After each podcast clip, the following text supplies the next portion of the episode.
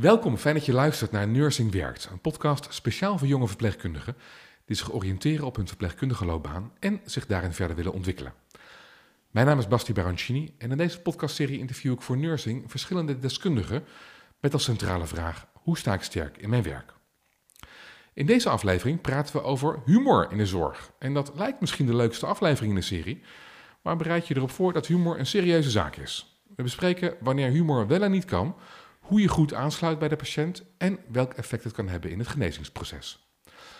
Vandaag ga ik dus in gesprek met Marcelino Bogers. Als broekie werkte hij 16 jaar lang in ziekenhuizen, waarvan een groot deel ook als verpleegkundige.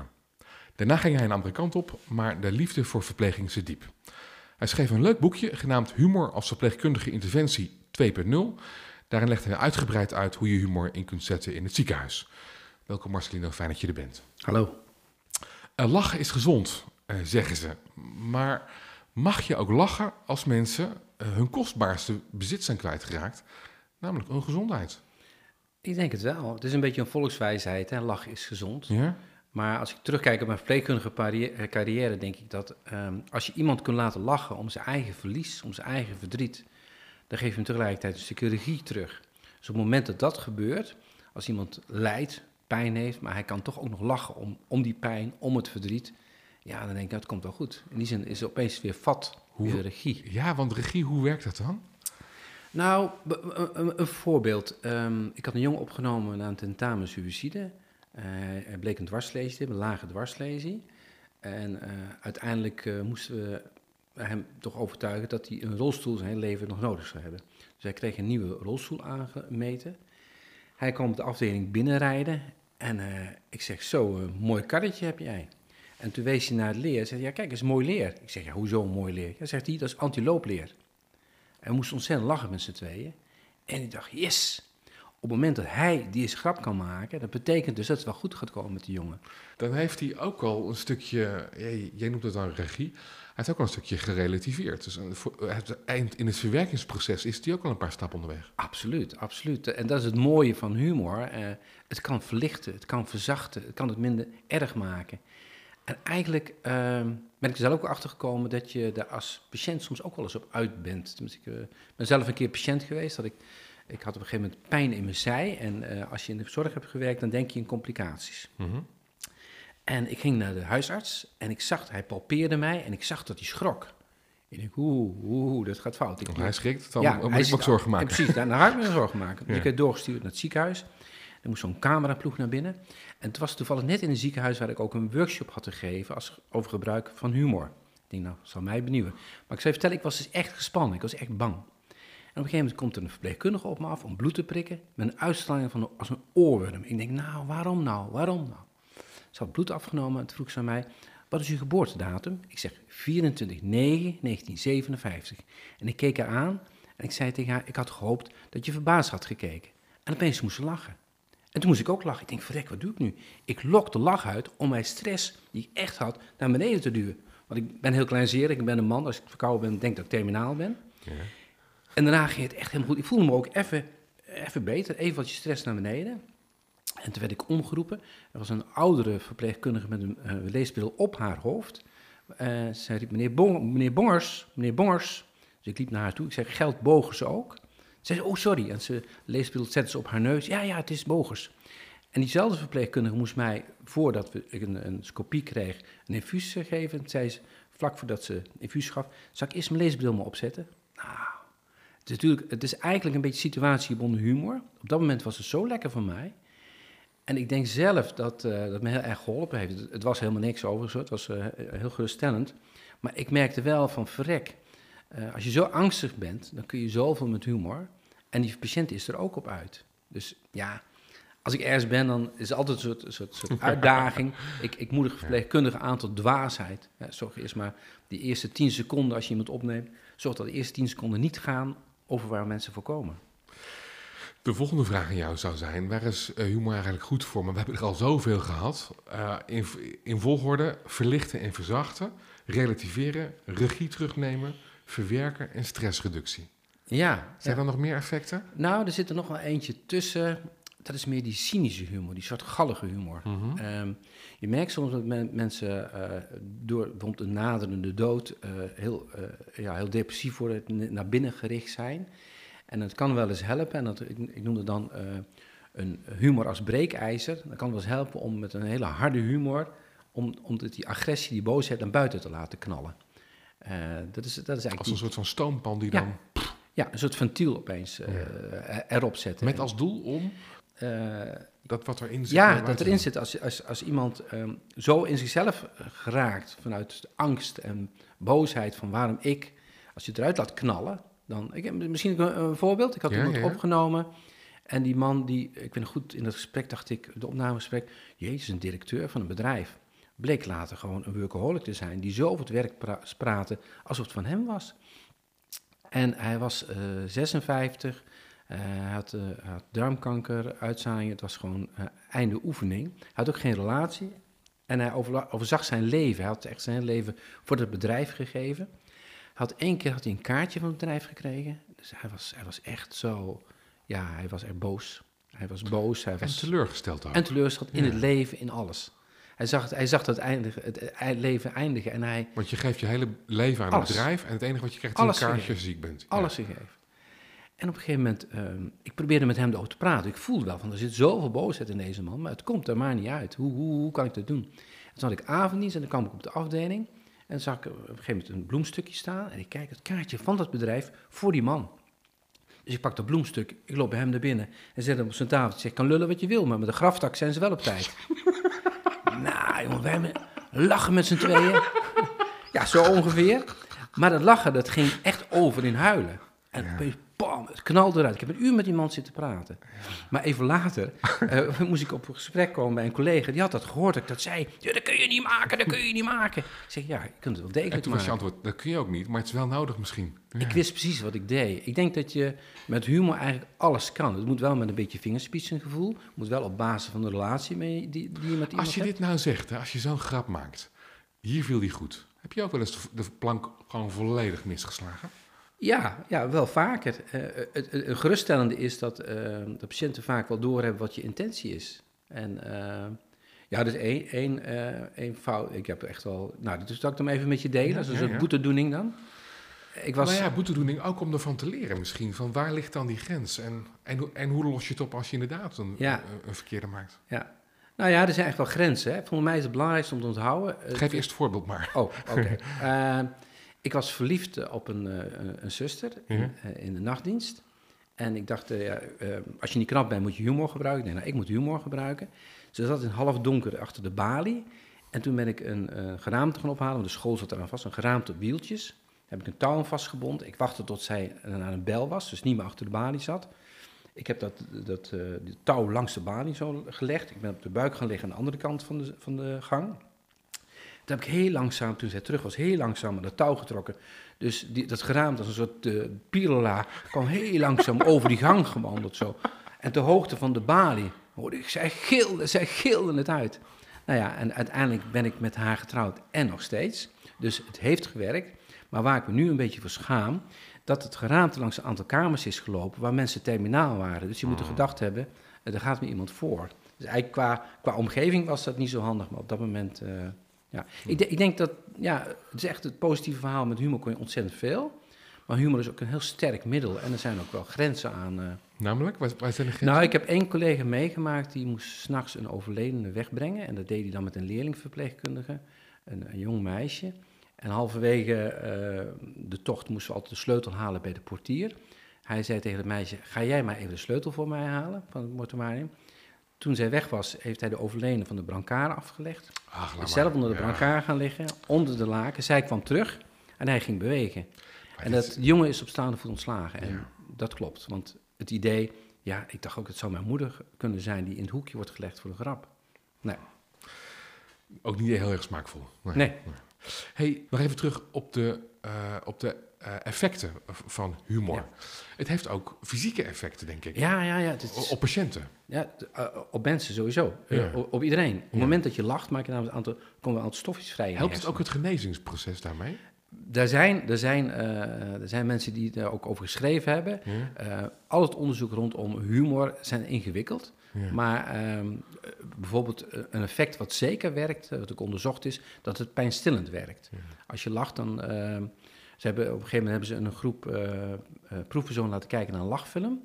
En een andere groep naar een documentaire. En die moesten hun hand in ijswater houden. En dan bleek dat die groep naar die lachfilm keek, veel langer dat kon volhouden. Ik denk ook op het moment dat je, dat je lacht, dat je, je die, die verlichting waar we het net over hadden, dat ook uh, het perspectief wat je voelt van ja, je hebt een dodelijke ziekte. Ik, ik ken heel veel voorbeelden van mensen die zich dan heel erg bewust zijn dat de lol in het leven wat je nog hebt, dat het levensverlengend is. Dat weet ik zeker. Wat was voor jou zelf eigenlijk de eerste keer dat je merkte, misschien ook in de zorg, dat humor wat deed? Um, dat had te maken met mijn eerste avonddienst, dat ik uh, liefdevol werd opgevangen door zuster Daans, een vrouw met fietstassen en steunkousen. Mijn werk, mijn leven. Die vrouw was er altijd. Echt zo'n, ze was ook echt de baas, hoor. die artsen waren zelfs bang voor haar. En ik was mijn eerste avonddienst en zij loodste mij naar binnen op een kamertje waar een vrouw van, uh, van 83 op sterven lag. En ik besefte opeens dat, er, dat, dat zij de ene... Dat, ze had geen familie, ze had geen kennis, niemand wilde bij haar zijn. Ze lag er alleen te sterven. En ik was net, uh, ik was net 18, ik stond als manneke aan haar bed en ik vroeg ook aan haar, wat kan ik voor u doen? Toen vroeg ze mij of ik een weesgroetje kon bidden. Nou, dat kon ik. Dus eigenlijk heeft die vrouw mij stervensbegeleiding gegeven. En diezelfde avond overleed zij. Ik had zussen Daans te weinig gezien.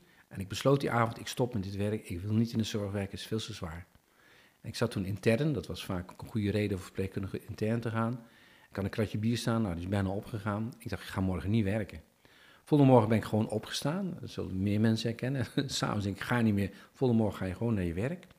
Ik was toen ingedeeld op een zware zaal met iets van acht mannen, mannelijke patiënten met contracturen, doorligwonden. Ja, dat is gewoon heel zwaar. En ik weet nog dat je had daar zo'n tikkende verwarming, schietijzeren verwarming die je niet kon stellen. Echt na vijf minuten droop je al van het zweet. En ik begon een man te wassen. En die reageerde nogal chagrijnig op mij. Dus op een gegeven moment ik tegen hem, ik zeg, het lijkt wel of je met verkeerde been het bed bent gestapt. En dan zoek ik zijn lakens terug en dan zag ik op een grote schrik een geamputeerd been. Dus ik denk, oh, wat zeg ik nu? Maar die man moest zo lachen. De tranen biggelden over zijn wangen. En elke keer als ik weer binnenkom, had ik een soort klik met die man. En opeens dacht ik, verrek, wat gebeurt er nu? Ik had eigenlijk in één klap, die avond ervoor die zo zwaar was geweest met die vrouw die stierf, had ik in één klap ontgift. En vanaf dat moment was voor mij humor een reddingsboei in de zorg. Nooit meer losgelaten. Ontgif, en, ontgiften, is mooi. Ja. Maar wat natuurlijk ook, ook zo is, dat, uh, maar dat, dat gaat wat verder. Ik vind namelijk uh, dat uh, je minimaal een glimlach moet hebben aan het bed. Maar glimlach is nog geen humor. Nee, maar wel het goede nieuws is, als je een glimlach maakt, misschien moet je dat nu even doen thuis, maak een glimlach zo, doe jij ook even, ja, ja. dan komen al die stofjes vrij, endorfine, serotonine, je gaat je beter voelen. Alleen, terwijl je eigenlijk neplachen is, maar als je glimlacht, ga je je beter voelen. Je houdt je lichaam voor de gek eigenlijk. Ja, precies. Maar je krijgt wel die stof, je voelt je toch oké. Want ik dacht altijd bij mezelf, ja, ik kan een relatiestoornis hebben, ik kan een kater hebben. Nee, minimaal die glimlach. En het grappige is, en ik merk ook aan jou, nu aan jou, jij glimlacht naar mij, en ik denk, hé, hey, je bent oké, jij vindt mij aardig. Dat vind ik toch een minimaal. Jij geeft in jouw boek, Humor als verpleegkundige interventie, geef jij, citeer jij John F. Kennedy. Nou, dat is, je kunt slechtere mensen citeren. Ja. En hij zegt, lachen is de kortste afstand tussen twee mensen. Ja. Dat is ja. wat je doet hiermee. Exact. Ik denk dat elke verpleegkundige in contact met de patiënt heel dichtbij wil komen, maar het moet wel een soort professionele distantie zijn. Nou, het goede nieuws is dat als je met iemand lacht, is het de kortste afstand daarna tussen twee mensen. En je doet een appel op het gezonde deel, wat nog prima functioneert, tot aan iemand die terminaal is. Dat werkt nog steeds heel goed. Ja. Wat je ook zegt, je citeert ook Godfried Bomans, zoek dat nog maar ergens op, uh, luisteraars op Wikipedia. Uh, die zegt, humor is een prachtige waterlelie die wortelt in het troebele water van verdriet. Ja, mooi kan ik het niet zeggen. Alle... Is dat zo? Maar dat, dit impliceert dat humor ja, overwonnen uh, verdriet is, overwonnen droefheid. Dat is zo. Ken je dat lachen wat overgaat in huilen? Mhm. En dat huilen wat overgaat in lachen, die liggen zo dicht bij elkaar, die twee. En als ik terugkijk op mijn... Dus humor is werken met pijn? Ja, altijd. Humor is soms ook uh, pijnlijke dingen weglachen. Of pijnlijke dingen makkelijker maken. Mhm. Het is eigenlijk... Het is, het is, zijn, iedereen die in de zorg werkt, herkent dat. Je kunt op zo'n dag... Het zijn het soort compagnons. Dat is, dat is de traan en de lach. Dat is, dat, dat is uh, huilen en lachen. En um, ik denk ook dat eigenlijk als ik een lezing of een workshop geef over humor, hebben we het ook altijd over huilen. vraag ik ook bijvoorbeeld van, eh, vind jij het eigenlijk wel professioneel om te huilen bij een patiënt? Interessante discussie. Het blijkt trouwens, en ik dacht dat zelf altijd hoor, dat als je, kijk, je kent het gevoel als je enorm gelachen hebt, dat je je opgelucht voelt. Nou, als ik, als ik gehuild heb, voel ik me ook opgelucht. Dus ik denk echt dat die stofjes ook vrijkomen. Dus ik heb contact opgenomen met Art Vingerhoets, dat is de huilprofessor in Nederland. En die zegt, nee Marcelino, dat is niet waar, kun jij wel denken, maar dat is niet zo. Het is niet onderzocht, dus het is niet waar. Ik zeg, ja, maar ik denk het toch. Hij legde mij uit dat eigenlijk op het moment dat je huilt, stel dat ik nu begin te huilen, dan zul jij heel snel een arm, een getrooste arm om me heen slaan. En dat, dat maakt dat die stofjes eigenlijk weer vrijkomen. Maar uh, ik denk trouwens dat het uiterst professioneel is als je uh, huilt bij een patiënt. Dat je laat zien dat je geraakt wordt, dat je mens bent. Maar goed, als je een slecht nieuwsgesprek hebt en je gaat harder huilen dan de patiënt, dan, dan, je, dan schiet het een beetje door. Dat slijm ook mis. Uh, goed, uh, zeg ik tegen jou als luisteraar, straks hoor jij in deze podcast welke technieken er zijn om humor te bevorderen, welke type er zijn ook, en je hoort wanneer gevoel voor humor uh, echt heel erg ongepast is. maar eerst, Marcelino, wil ik jou graag voorstellen aan twee jonge verpleegkundigen, Maaike en Niels. En die vragen we elke aflevering naar hun ervaring met het onderwerp. Uh, Mike en Niels, hartelijk welkom. Zijn jullie er weer? Jazeker. Goed, Hoi, Bas. fijn dat jullie aan de telefoon hangen. hey, we hebben het deze aflevering over humor. Humor in de zorg. Uh, ik ben eventjes benieuwd. Vinden jullie dat moeilijk om te gebruiken, humor? Of, of ja, welke rol speelt het? ja, ik vind humor niet moeilijk om te gebruiken. Ik, ik vind wel dat ik af en toe zelf grappig ben. Ja? Vinden anderen dat denk ik ook, want die lachen er ook om. Ja, dat is al goed uh, Maar het is denk ja. Maar dus denk ik vooral uh, je patiënt aanvoelen en kijken uh, welke grapjes je kan maken. Sommige patiënten die zitten net wat anders uh, in de humor. Mm-hmm. Zijn wat serieuzer of uh, wat, wat meer laaggeletterd, waardoor je op een andere manier kan inspelen op humor. Maar ik en vind het wel heel belangrijk om te gebruiken. En hoe doe je dat dan met een laaggeletterd iemand of iemand die ja, minder goed Nederlands spreekt?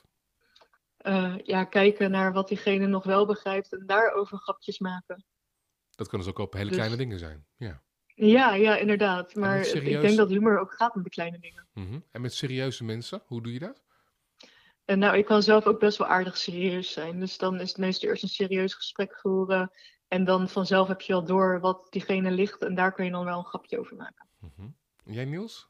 Ja, hetzelfde. Ik gebruik best wel heel veel humor. Alleen heb ik zelf vaak wel sarcastische humor. En dat is wel, merk ik vaak wel een valkuil. Het bijt een iedereen... beetje, toch? Het bijt een beetje. Ja, dat is soms ook niet erg. Maar ook dat niet iedereen altijd je sarcastische humor begrijpt. Dat het toch niet... Uh... Ja, dat is wel lastig. Dus ik probeer vaak zelf uh, eerst ook een beetje een serieus gesprek te hebben. Kijken ook hoe de ander... Misschien gebruikt hij al wat humor. Of even een klein grapje om het ijs te breken. Maar ik moet me vaak wel een beetje inhouden met mijn, uh, met mijn sarcastische humor. ja, dat, ja. Ga je wel eens over de ja, schreef dan ook?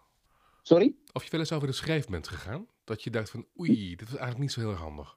Uh, nee, nee, ja, soms dat toch iemand je grapje net niet helemaal begrijpt en daardoor helemaal in de war raakt. Nou, dan neem ik ook gewoon de tijd om het uit te leggen en uh, dat het ook een, uh, een grapje was. Maar nee, nooit dat iemand zich beledigd voelde of, uh, ja, of, of gekwetst. Maaike, kun je, in elke, kun je op elke afdeling humor gebruiken?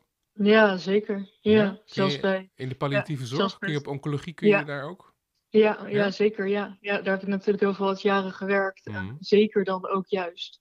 Want uh, zeker als iemand in zijn hele leven of haar hele leven al veel met humor heeft gedaan, is humor in die fase heel belangrijk. Mm.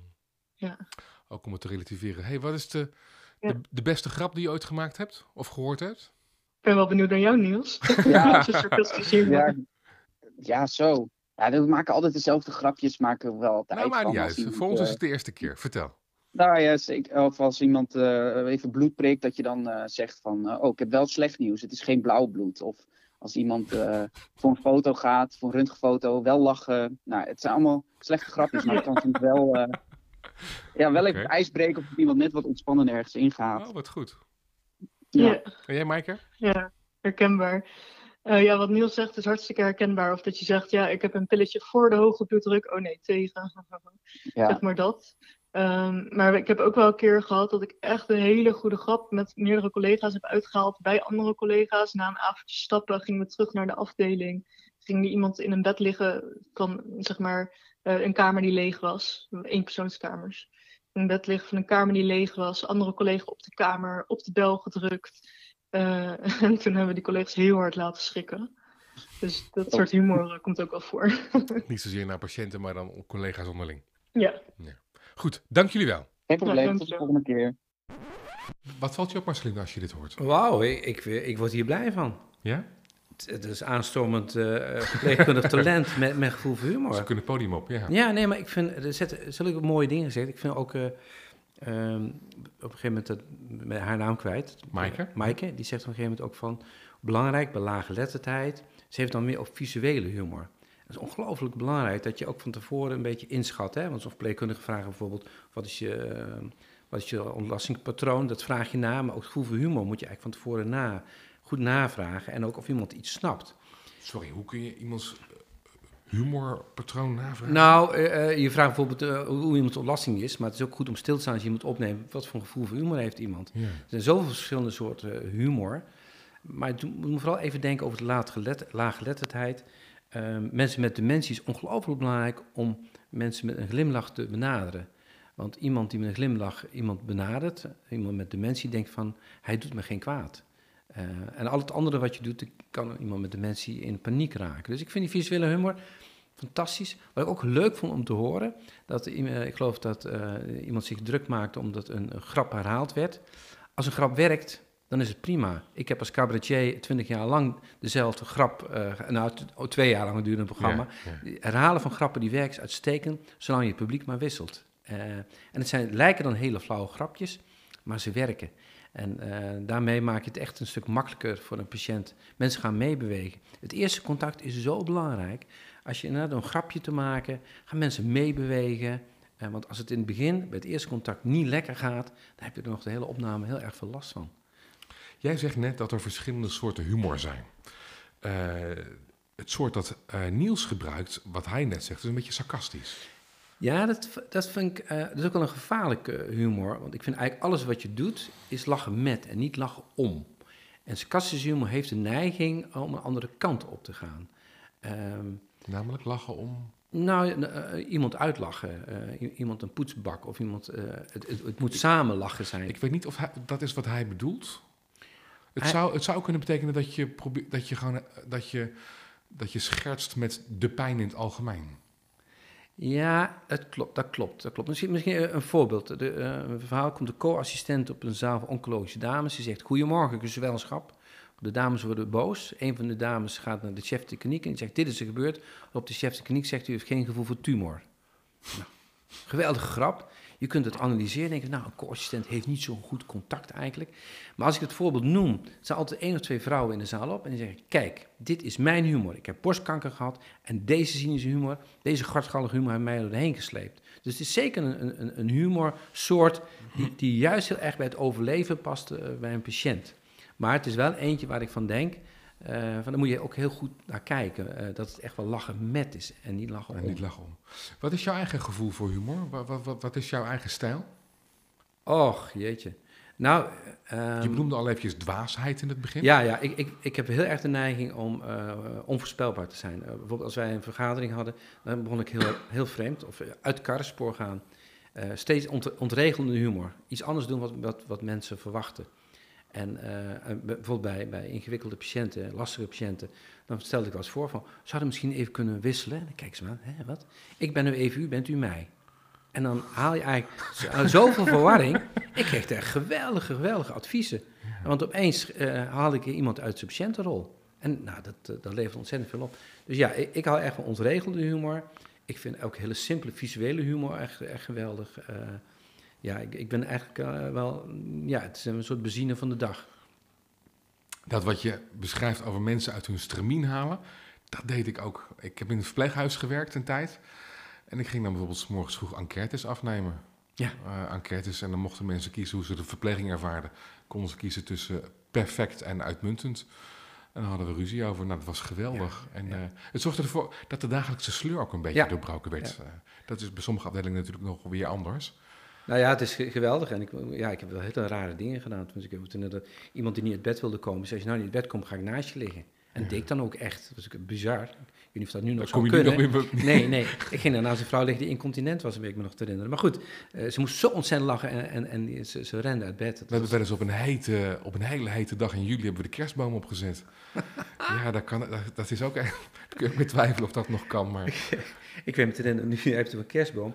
Ik werkte in het Radboud ziekenhuis en er was een hele grote uh, stal en een kerstboom. Ja. En s'nachts was het kinderke Jezus was opeens weg. Je lag, weg je lag in een couveuse. nou, heerlijk, ja. Dan kun je mij wegdragen hoor, echt.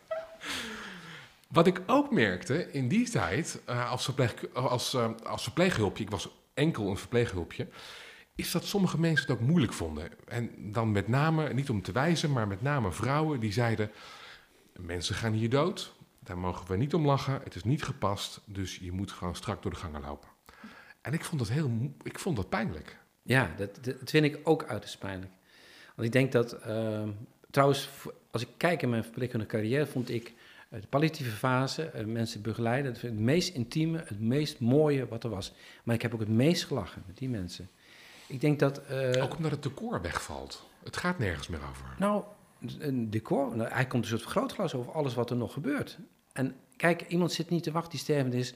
Moet je je voorstellen, je kunt niet 24 uur per dag denken aan de naderende dood. Dat is heel erg, dat is heel angstig. Hmm. In de psychologie noem je dat het copingmechanisme. Eventjes de angst weg, dus even ventiel, even los daarvan. En ik, ik geef veel uh, trainingen en workshops aan mensen in hospices en zie nog eens bij vrijwilligers. Die zijn vaak heel serieus. En wat oudere dames die altijd alles meegemaakt hebben. En die patiënten zitten helemaal niet te wachten op een ernstig meelevend gezicht. Die willen ook graag eventjes er niet aan denken. Dat is echt fantastisch. Ik, ik, ik heb met mijn schoonmoeder meegemaakt een... Uh, ik had een heel lief schoonmoeder, die was terminaal. En ik, ik, ik, wilde graag bij haar waken, maar ik, ik was heel druk, druk, druk. Uiteindelijk zat ik aan haar bed. En elke keer viel ik in slaap tijdens het waken. En ik schaal, dus viel ik weer weg. Dan schaal ik me toch een beetje, viel ik weer weg. Op een gegeven moment zei ze tegen mij, het duurt lang hè? en wij moesten samen zo, zo lachen. En dat lach ging over hun huilen, maar het was, ik ben daar nog dankbaar voor. En dat noem je echt de copingmechanisme. Even en niet aan denken. En dat hoort heel erg bij het doodgaan. Ja, nee, ik vind, ik vind het jammer dat jouw collega's dat niet snapten. Nou dat, ja, dat, heel was, erg... dat was wat het was. De, dan is het nog maar een klein stapje eigenlijk naar galgenhumor. Misschien, toch of niet? Dat is echt in de allerlaatste fase. Ja. Waarbij je ook grappen maakt over de dood zelf. Ja. Mag dat? Ja, ja, maar het, het, heeft echt te maken, elke patiënt is anders. Kun je een voorbeeld geven van... van, van ja, ik weet dat ik, een vrouw was terminaal en uh, die, uh, ik maakte een grapje. Ik weet het grapje niet meer, maar toen zei ze, ik lag me dood. Zei ze, zeg, pas op hè! of een vrouw die moest opnemen in een hospice. En het, het, was echt, uh, het was gewoon, het was winter. Ze kwam binnen, ze kwam, ze kwam binnen, ze, het is hier stervenskoud. nou ja, we schrokken, we moesten ook zo lachen. Kijk, en als iemand, en dan komt het toch weer terug, zij kon ook ongelooflijk lachen. En dat gaf ook wel een gevoel van, nou, dat je, dat je het weer een beetje in handen hebt. Ja. Het eerste wat bij me opkomt is dat het ook weer een, dat het ook weer een stukje leven is. Ja. Op, nou. op dat moment. Een, ja, stukje, dat, een stukje gedeeld leven ook weer. Dat zeg je mooi. Ik denk zelf ook wel dat mensen die zelf stervende zijn er ook op uit zijn om hun omgeving uh, soms een beetje te ent uh, entertainen. Van, het, het, is heel zwaar als iemand aan je bed komt die heel veel verdrietig is en heel erg tegenop zit, ziet. En dan is zo een soort, uh, ja, het is zo fijn als je even kan, kan lachen vertelde een huisarts aan mij, die was betrokken bij een uh, euthanasie. En die stond klaar, dat was een man van 56, meen ik, met familie eromheen. Dat is natuurlijk echt een heel akelig, spannend moment. En hij wou die spuit gaan geven. En net op dat moment kreeg die man enorme hoesbui. Dus die huisarts heel ongemakkelijk en, en die familie ook. En toen was hij klaar met hoesten. Zegt die dokter, heeft ook eens tegen de hoest? nou, iedereen moest zo lachen. Fantastisch. En opeens even een ventiel. En dat heb je dus nodig, want het is soms te zwaar en te angstig. En, eh, ja, en, en überhaupt in die laatste fase een soort vergrootglas over de hele situatie. Alles wordt groot. En nou, ik weet dat de familie ontzettend blij was en het onvergetelijk vond wat er gebeurde. Ja. Hebben dieren eigenlijk ook humor of niet? Ja. ja? Nou, dat is wel grappig. Uh, pas een, uh, een congres voor kraanverpleegkundigen gedaan. En uh, leerden we hoe, hoe, ja? hoe, worden dieren geboren, hoe gaan we daarmee om. En ook een filmpje laten zien van, van een aap die ontzettend veel lol had. Ja, ja. Dus, ik zou het je filmpje moeten laten zien, maar uh, ik, ik dacht ook van, nou, dus toch. Ja. Oh, echt waar? Dus ja. dan, eh, als, je mij het, als je mij het linkje even toestuurt, ja. dan zetten we het onder in de show notes. Dus dan kunnen luisteraars doorklikken in de show notes. Nou, hey, uh, Marceline, geef dan even, eens, eens eventjes een handleiding. Even een gebruiksaanwijzing voor hoe we humor moeten in, inzetten. Nou, um, tips. Oh, tips. Ja, nou, um, bijvoorbeeld, ja. Ik, ik, uh, je kunt ontzettend hekel hebben aan vergaderingen. Uh, begin, het is, begin het is anders. Ik deed altijd, doe even een rondje hoogtepunten. Iedereen vertelt gewoon even zijn hoogtepunt. Hoeft helemaal niet met werk te maken te hebben. Begin opeens heel anders. Um, überhaupt, doe, doe een keer iets anders. Ga in omgekeerde volgorde werken. Wat ik ook Wat gedaan, is daar grappig aan? Nou ja, uit, uit karrenspoor. Ah. Uit karrenspoor. Gewoon anders. Anders dan dat je gewend bent. Dat, ja, dat, dat lijkt niet grappig, maar dat houdt jezelf heel erg scherp. Oké. Okay. Um, als het gaat om werkdruk, ik heb wel eens gedaan dat, enorme, uh, dat twee collega's ziek waren, enorme werkdruk. Toen heb ik over de klok een uur achter gezet en ik heb de patiënt op de hoogte gesteld, we hebben vertraging een uur. Werkt geweldig. Enorme verwarring was dat. Maar uh, op een gegeven moment ging de patiënt ook mee. Oh nee, dok, nee, u kan niet hebben broeder, want u heeft, u heeft vertraging. Ja, nee, dat klopt, ja. Um, ja, ja dingen, uh, dingen. Moet dan, als ik je even mag onderbreken, je moet wel een beetje ziek in je hoofd zijn om dat te kunnen bedenken. Maar dat is hartstikke grappig. Ja, ja. ja. nou, ik weet niet of ik ziek in mijn hoofd ben, maar ja, het, het, het, ja, uh, als je onder druk staat. Ja. Uh, of noem het creativiteit, dat kan ook, maar het, is, het, komt op hetzelfde neer. Ja, ook, ook anders, want ja, uiteindelijk bij de NS accepteert iedereen als het langzamer wordt. Anders. Terwijl, terwijl mijn collega, ik weet niet waarom ik dat deed, mijn collega ging steeds harder lopen. Ik denk, ja, dat heeft geen zin, ga eerst koffie drinken, dan zijn we de uren uit. We lopen gewoon achter, we hebben gewoon Ja, ja. Uh, ja doe dwaas. Uh, doe dwaas. Moet je, moet je, moet je dan een, een rode neus opzetten of zo? Of wat? Nee, oh, nou, dat is wel even goed dat je het noemt. Heel vaak als ik ergens lezing kom geven, zeggen ze, ah, de kliniekclowns. Ja. Uh, kliniekclowns hebben de glimlach het ziekenhuis binnengebracht. En ook bij de mensen is fantastisch werk. Helemaal prima. Maar verpleegkundigen hoeven mij geen rode neus op. Ook onvergelijkbaar want die kliniekclown, die, zijn niet, die is niet dezelfde persoon die een kindje een injectie geeft of nee. een infuus geeft. Dus wat is dwaasheid? Hoe, hoe, hoe? Nou, de, de, uh, de, dwaasheid is ja ook, um, nou dat is dwaasheid. Um, ja, ik, ik moedig aan tot, tot dwaasheid. Doe, doe maar anders, doe maar wat je te binnen schiet. Uh, schud het bed op of doe, doe het gewoon anders. Ja, dat klinkt opeens heel raar, maar je, je hoeft eigenlijk, want nu worden mensen misschien een beetje bezorgd. Nou, ik moet het anders tegen je zeggen. Eigenlijk zou het heel mooi zijn dat deze podcast mensen misschien wat gevoeliger zijn geworden, geworden voor humor. Want je hoeft echt niet te denken dat je opeens komiek moet zijn of kliniekclown moet zijn. Jij hebt twintig jaar op het podium gestaan, je hebt kameretten gewonnen, maar je kunt ook heel veel humor gebruiken aan het bed zonder dat. Ja, eigenlijk is in veel gevallen zullen patiënten zelf die grap maken. Ik zou willen dat jullie veel meer uh, de humor honoreren. Want Honor ik merkte zelf. Honoreren? Ja, ho honoreren. De, een, een, poging tot lachen, honoreren. Klinkt misschien raar. Ik vertel dit verhaal over toen ik zelf patiënt was, bang was. Dat ik heel veel behoefte had om die stress naar beneden te douwen. Ik heb heel vaak meegemaakt toen ik in het verpleeghuis werkte. Dat uh, bezoek uh, grapjes maakte toen ik koffie kwam langs brengen. Eh, broeder, een kajakje voor me? Ik denk, nou, duizend keer. En nu denk ik met terugwerkende kracht, verrek. Het was een poging om het lichter te maken. Ik zou het veel meer honoreren. Dus als het gaat om dwaasheid, misschien moeten we eerst maar eens gaan proberen uh, wat gevoeliger te worden voor humor. Want heel vaak uh, ja, ben je zelf het publiek als verpleegkundige. Dan zul je die glimlach of die lachen. Om en in plaats van dat je de dood laat slaan omdat je druk bent, bijvoorbeeld. Ja. Gewoon eens eventjes ja, ja. de erkenning aan geven. Is er nog iets anders wat je wil, zou willen... Uh... ja, nou ja, uh, ja doe dwaas. En, en nou goed, weet je, je kunt, uh, je kunt op een gegeven moment ook met spiegelen. Soms heb ik wel patiënten meegemaakt die zo, zo vreemd gedrag hadden, dat ik het gewoon nadeed. Dat ik ook niet wist dat ik het na ging doen. Um, wat heel belangrijk is om de burn-out buiten te houden, dat als je een hele moeilijke patiënt hebt, een lastige patiënt, en er zijn er best veel van, dat je in de beslotenheid van het kantoor, uh, ik, deed ik, ik stoom opblazen, deed ik de patiënt na. Dat was heerlijk. En ik kon daarna met heel veel respect, kon ik toch weer eigenlijk terug uh, Want dan benoem je eigenlijk iets waar, waar, we het nog niet per se over gehad hebben. Dat is namelijk ook de humor onderling. Ja, ja joh, als je een team hebt waar humor in zit, dan kun je de wereld aan. Ja. Het bleek nou juist... Dat Wat doe je als je in een team zit waar dat misschien iets minder is? Uh, ja, eigenlijk moet je dan impregneren. Zet het op de agenda. Zet het op de agenda. Heb het erover. Als je niet die relativerende grapje in team hebt... Kijk, als je een team hebt waar humor in zit... dan zijn ook meestal teams die de meest creatieve oplossingen hebben voor problemen.